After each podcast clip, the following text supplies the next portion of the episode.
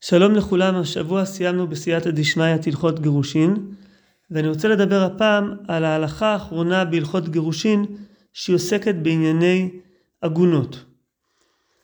בהלכה אחת לפני האחרונה, הרמב"ם אה, אומר, ואין בודקין עדי אישה בדרישה וחקירה, שלא אמרו חכמים בדבר להחמיר, אלא להקל משום התרת עגונה.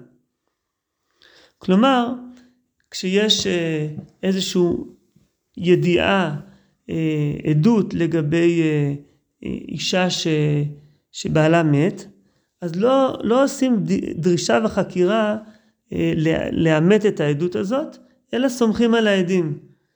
בנושאים אחרים, בדיני נפשות, צריך לחקור את העדים בדרישה וחקירה. אבל בעניין הזה לא החמירו לחקור את העדים משום התרת עגונה, כדי אה, שיהיה אפשר להתיר את האישה לבעלה. אני אעיר בסוגריים שיש שתי מגמות אה, כמעט סותרות אפשר להגיד בענייני עגונות. מצד אחד אנחנו מקילים בגדרי העדות, לא, אין צורך בדרישה וחקירה, ותכף נראה גם שהרמב"ם מדבר על זה שלא צריך אה, גם עדות של שניים, ואפשר גם להתיר אפשר לסמוך על עדות של אנשים שבדרך כלל פסולים לעדות. אה, מצד שני, זה לגבי עצם, ה, עצם העדות, עצם ה, הידיעה שאדם מסוים מת. מצד שני, אנחנו כן, אה, אפשר להגיד, אנחנו דורשים אה, וידוי של הזהות של הבן אדם. אנחנו צריכים לוודא ש... שזה אותו בן אדם ולכן אה, אה, צריך סימנים מובהקים שזה אותו בן אדם. וגם לגבי עצם העובדה שהוא מת, אה, לא סומכים על הסתברות, אה, אלא אומרים יש, אם יש סיכוי קטן שהוא ניצל, אנחנו לא אומרים רוב הסיכויים שהוא מת ולכן נניח שהוא מת. כלומר מבחינת השאלות העובדתיות, אנחנו כן דורשים פה אה, בירור עובדתי אה, ברמה גבוהה לדעת שהבן אדם הזה מת, וגם כן שזה הבן אדם הזה. אבל על עצם הנאמנות של מי שמוסר את המידע, שם אנחנו מקילים, אנחנו לא דורשים, אה, לא מצריכים דרישה וחקירה, וגם אנחנו מקילים שאנחנו סומכים על אנשים שבדרך כלל הם לא כשרים לעדות. וזו ההלכה האחרונה שעכשיו אני אקרא. זה פרק י"ג הלכה כ"ט. אל יקשה בעיניך שתירו חכמים הערווה החמורה בעדות אישה, אפילו שפחה ועד מפי עד ומפי הכתב ובלא דרישה וחקירה כמו שביארנו.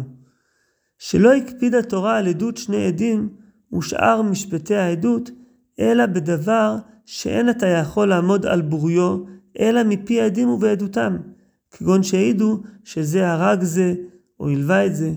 אבל דבר שאפשר לעמוד על בוריו שלא מפי העד הזה, ואין העד יכול להישמט אם אין הדבר אמת, כגון זה שהעיד שמת פלוני, לא הקפיד התורה עליו, שדבר רחוק הוא שיעיד בו העד בשקר. לפיכך, הקלו חכמים בדבר זה, והאמינו בו עד אחד מפי שפחה ומפי, ומן הכתב, ולא דרישה וחקירה, כדי שלא יישארו בנות ישראל עגונות. אז יש כל מיני דיונים בדברים האלו של הרמב"ם, האם יש פה כולה מדברי חכמים אה, שמתירים עד אחד, זה תקנה מיוחדת של חכמים, או שזה מדין תורה. ואני רוצה להסביר את הדברים, אה, להתחיל קודם כל בהסבר של הרב רבינוביץ' ביד פשוטה, ואחר כך להציע הסבר נוסף. אז אני אתחיל קודם כל בדברים שהוא אומר, והוא אומר בעצם, הנושא הזה של להתיר אישה לבעלה, אין פה עניין של פסיקה של בית דין. זה לא כמו דיני ממונות או דיני נפשות שיש פה צורך בהכרעה של, של בית דין. יש פה סך הכל ברור עובדתי. אם האישה הזאת בעלה מת, אז היא לא אשת איש. ואם הוא, ואם הוא, ואם הוא, אה, ואם הוא חי, אז היא אשת איש. אין פה עניין של פסיקת בית דין, כמו למשל בדיני ממונות, שצריכים לפסוק, כשהם פוסקים שמישהו חייב לשלם, זה מכיל עליו את החיוב, או כשהם פוסקים בדיני נפשות, אה, אה, עונש מסוים, זה מכיל עליו את העונש. פה זה פשוט עניין של ברור עובדתי. ולכן בעצם לבירור עובדתי אין צורך באמת בהליך של עדים, הליך תקני של עדים. אבל מצד שני, מכיוון שמדובר פה על נושא של, של אשת איש, זה נושא שכן נמסר לבית הדין, הם אלו שעוסקים בנושא הזה, זה גם יש לזה השלכות לגבי שאלה של גביית כתובה, אה, אחרי שמתירים אישה לבעלה, וברגע שמוסרים את זה לבית דין, אז בית דין אה, הולכים לפי סדרי דין רגילים. כלומר, יש להם הליך של, של סדר הדין, ששם יש עדויות וכל הצדדים האלו. ובדבר הזה חכמים הקלו. כלומר, הם לא, הם לא העמידו את הדרישה של, אה, שבדרך כלל יש בסדרי דין, אלא הם הקלו, אה, וזה מתוך המוטיבציה כדי שלא יישארו בנות ישראל עגונות. כלומר, יש פה צירוף של שני דברים. הדבר הראשון הוא העניין הזה שבעצם זה נושא שלא נצרך בו, אה, לא נצרכת בו עדות תקנית, מכיוון שזה לא נושא שהוא בעצם שייך במהותו לפסיקה של בית דין, אלא זה עניין של בירור עובדתי, ולצורך בירור עובדתי בעצם אין, צור, אין צורך בעדים. והדבר השני הוא שלמרות שזה כן נמסר לבית הדין, אה, הם לא החמירו פה, הם לא הצריכו את ההליך הרגיל, וזה משום התקנה כדי שלא יישארו בנות ישראל עגונות. זה ההסבר אה, בגדול של הרב רבינוביץ' ביד פשוטה. אני רוצה להציע כיוון אחר, אה, שהוא הולך על, ה, על השאלה מה בכלל המעמד של עדות אה, בדרך כלל. ואני רוצה להציע לעוד שני מקומות שהרמב"ם מתייחס לעניין הזה, אה, ואני אתחיל מהמקום הראשון שהוא נמצא בהלכות סנהדרין. בהלכות סנהדרין, בפרק כ"ד, פרק כ"ד הוא פרק מאוד מעניין שהוא מדבר על מקרים שהדיין בעצם הוא יכול לחרוג מכללי הדין אה, הרגילים, מסדרי הדין הרגילים.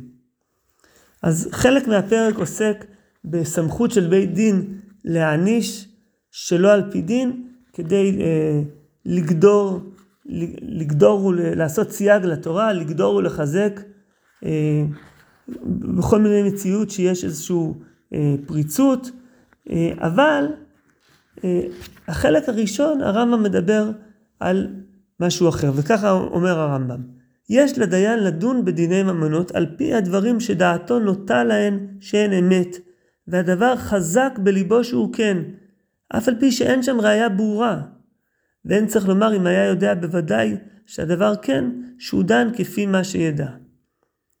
כלומר, הוא מדבר על, על זה שיש אפשרות שהדיין יכול לדון על פי מה שהייתי אומר לפי האינטואיציה שלו. אם זה ברור לו, יש לו איזושהי אינטואיציה, אינטואיציה ברורה שיש משהו שהוא, שזה, ש, ש, שזה, שזה, זו האמת, אמ, אז הוא יכול לדון על פי זה למרות שאין הוכחות ברורות. והרמב"ם ממשיך ונותן כמה דוגמאות. כיצד? הרי שנתחייב אדם שבועה בבית דין, ואמר לדיין, אדם נאמן אצלו, ושדעתו סומכת על דבריו, שזה האיש חשוד הוא על השבועה. כלומר, אותו אחד שאמור להישבע, אה, איזשהו מישהו שנאמן אמר לו שאותו בן אדם הוא, הוא חשוד על השבועה לשקר, לשקר בשבועה. אז, אז מה הדין? יש לדיין להפוך השבועה על שכנגדו, ויישבע וייטול.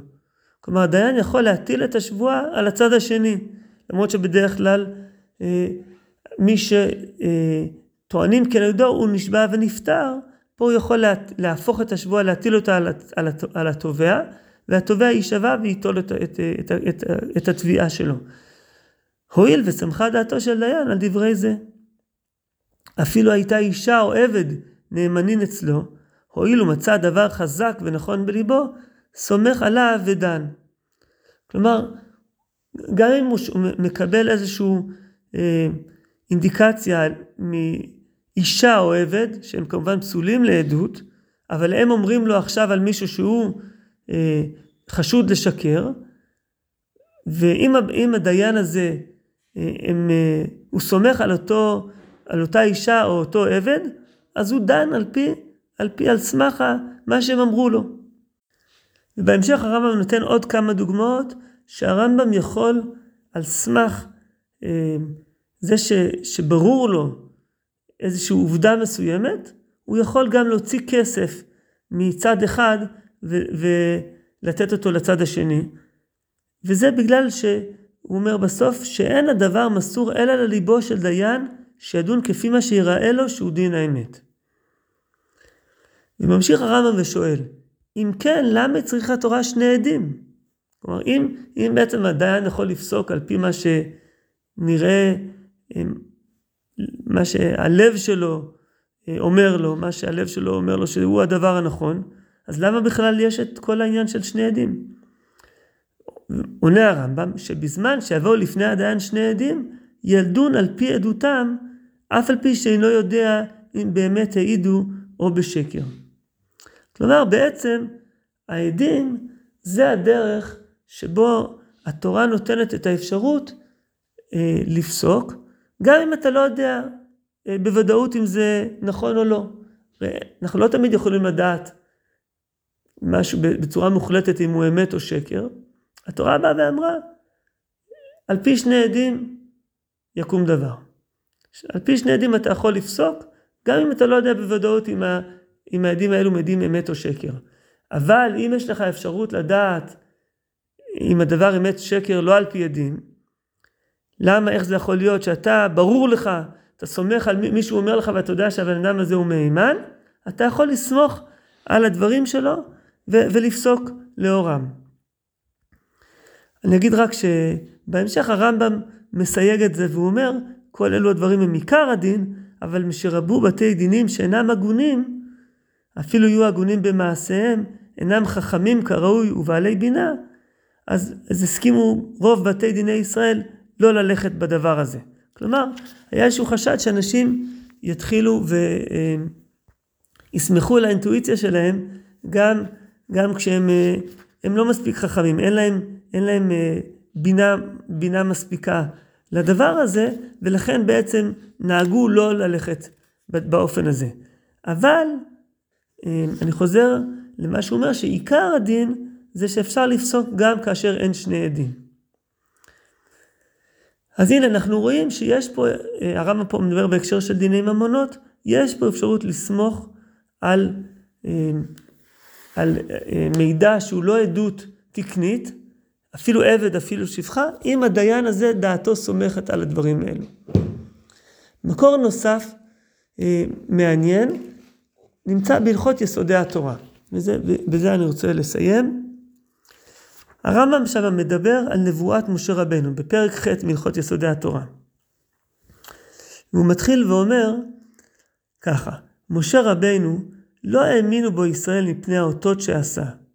שמאמין על פי האותות, יש בליבו דופי, שאפשר שיעשה האות בלט וחישוף. כלומר, האמונה בנבואת משה רבנו היא לא על סמך כל מיני אותות ומופתים, אותות ומופתים אפשר גם לעשות על ידי כל מיני אה, כשפים, כל מיני אה, אה, מעשי קוסמות למיניהם. אז במה, על פי מה האמינו למשה רבנו? אני מדלג. ובמה האמינו בו? במעמד הר סיני, שאיננו ראו ולא זר, ואוזנינו שמעו ולא אחר, האש והקולות והלפידים, והוא ניגש אל הערפל, והכל מדבר אליו, ואנו שומעים, משה, משה, לך אמור להם כך וכך. וכן הוא אומר, פנים בפנים דיבר אדוני עמכם. ונאמר, לא את אבותינו קראת אדוני את הברית הזאת, כי איתנו אנחנו אלה פה היום כולנו חיים. זה סוף הפסוק. ואני מדלג עוד קצת. נמצאו אלו ששולח להם, הם העדים על נבואתו שהיא אמת. ולא צריך לעשות להם אות, שהם והוא אחד בדבר, כי שני עדים שראו דבר אחד ביחד, שכל אחד מהם עד לחברו שהוא אומר אמת, ואין אחד מהם צריך להביא ראייה לחברו. כך משה רבנו, כל ישראל עדים לו אחר מעמד הר סיני, ולא צריך לעשות להם אות. אז יש פה איזושהי נקודה מעניינת שהוא אומר שבעצם אמ, אלו ששולח להם, כלומר כל עם ישראל שמשה רבנו נשלח אליהם, הם עדים על נבואתו של משה רבנו שהיא אמת. הם היו שם, הם ראו, הם היו במעמד הר סיני, הם ראו את זה, ולכן בעצם כל עם ישראל מעידים על אמיתות נבואתו של משה רבנו. הוא אומר פה כי שני עדים שראו דבר אחד ביחד, שכל אחד מהם עד לחברו שהוא אומר אמת, ואין אחד מהם צריך להביא רעה לחברו. אני לא בטוח בכוונה פה, אבל נדמה לי שהכוונה היא שהוא נכנס פה לאיזושהי נקודה מעניינת. כשבאים שני עדים להעיד על משהו, אז כל אחד יכול להגיד, אני דובר אמת, אבל, אבל איך אני יכול להתייחס לבן אדם השני? הרי הבן אדם השני בעצם, איך אני מעיד עליו? אה, שהוא אומר, איך אנחנו יכולים להצטרף ביחד כתור שניים לעדות, אם כל אחד רק הוא עומד בפני עצמו.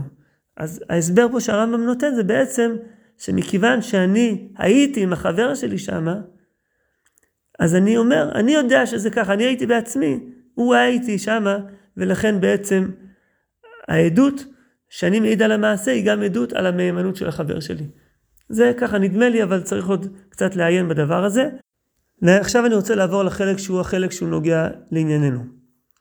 וממשיך הרמב"ם ואומר, נמצאת אומר, שכל נביא שיעמוד אחר משה רבינו, אין אנו מאמינים בו מפני האות לבדו, כדי שנאמר אם יעשה אות נשמע לו לכל מה שיאמר. אלא מפני המצווה שציוונו משה בתורה ואמר אם נתן אות, אליו תשמעון. כמו שציוונו לחתוך הדבר על פי שני עדים, ואף על פי שאין לנו יודעים אם אמת העידו עם שקר, כך מצווה לשמוע מזה הנביא, אם באות אמת או בחישוף בלט. אז אני אסביר את הדברים. הוא אומר פה בעצם שהאמונה שלנו בנביאים, הרי הרמב"ם דיבר בפרק לפני זה שכאשר נביא מגיע והוא עושה איזשהו אות, והוא אומר שהשם אה, שלח אותו, אז מצווה לשמוע ממנו. אבל פה אומר, אומר הרמב"ם, זה שאנחנו מאמינים לו בגלל שהוא עשה אות, זה לא בגלל שאנחנו מאמינים לאות, אלא בגלל שמשה רבנו אמר לנו בתורה, שכאשר אדם בא ועושה אות, אליו תשמעון.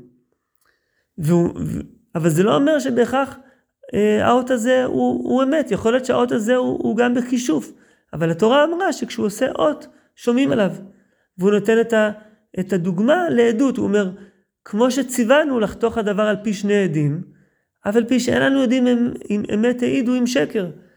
פה הוא חוזר על מה שגם ראינו בהלכות סנהדרין. שהתורה אומרת שאנחנו פוסקים על פי שני עדים, גם אם אנחנו לא יודעים אם הדבר הזה הוא נכון או לא נכון. יכול להיות ששני עדים יעידו עדות שקר. אבל התורה אומרת שככה פוסקים. ולכן ממשיך הרמב"ם, לפיכך אם עמד נביא ועשה אותות ומופתים גדולים, וביקש להכחיש נבואתו של משה רבנו, אין שומעים לו. והיינו יודעים בייחוד שאותן האותות בלהט וחישופן, לפי שנבואת משה רבנו אינה על פי האותות, כדי שנערוך אותות זה לאותות זה. כלומר, הנבואה של משה רבנו היא לא מבוססת על, על מופתים, אותות ומופתים שאנחנו יכולים לעשות עכשיו השוואה, להגיד, טוב, האם הניסים, המופתים שעכשיו הנביא עכשיו שעושה, הם יותר גדולים מהניסים של משה רבנו, או פחות? לא, זה לא בכלל, זה לא בר השוואה. בגלל שהנבואה של משה, אלא בעינינו ראינוה ובאוזנינו שמענוה, כמו ששמעו. אנחנו בעצמנו שמענו וראינו את נבואת משה רבנו, ולכן אנחנו יודעים שהיא אמת. הלמה הדבר דומה? אלה עדים שהעידו לאדם על דבר שראה בעיניו, שאינו כמו שראה, שאינו שומע להם, אלא יודע בוודאי שאין עדי שקר. אז הנה אנחנו רואים פה שהרמב"ם אה, מדבר על זה שהעדות, הכוח שלה הוא בערבון מוגבל, עדות של שני עדים. אם אני ראיתי משהו בעיניים שלי וזה סותר את העדות, אז אני יודע שהעדות הזאת היא עדות שקר. אז הנה אנחנו רואים שגם כאן הרמב"ם מדבר על זה שבעצם זה שאנחנו סומכים על עדים, זה בגלל שזה איזשהו אה, דרך שהתורה נתנה לנו אפשרות לפסוק הלכה, לפסוק דין, כשאין לנו אה, דרך לדעת באופן עובדתי אם הדבר נכון או לא, אז זה איזשהו כלי שהתורה נתנה. אבל כאשר יש לנו אפשרות לבירור עובדתי, כשאני יודע שהמציאות היא הפוכה מהעדים, אז אני לא סומך על העדים.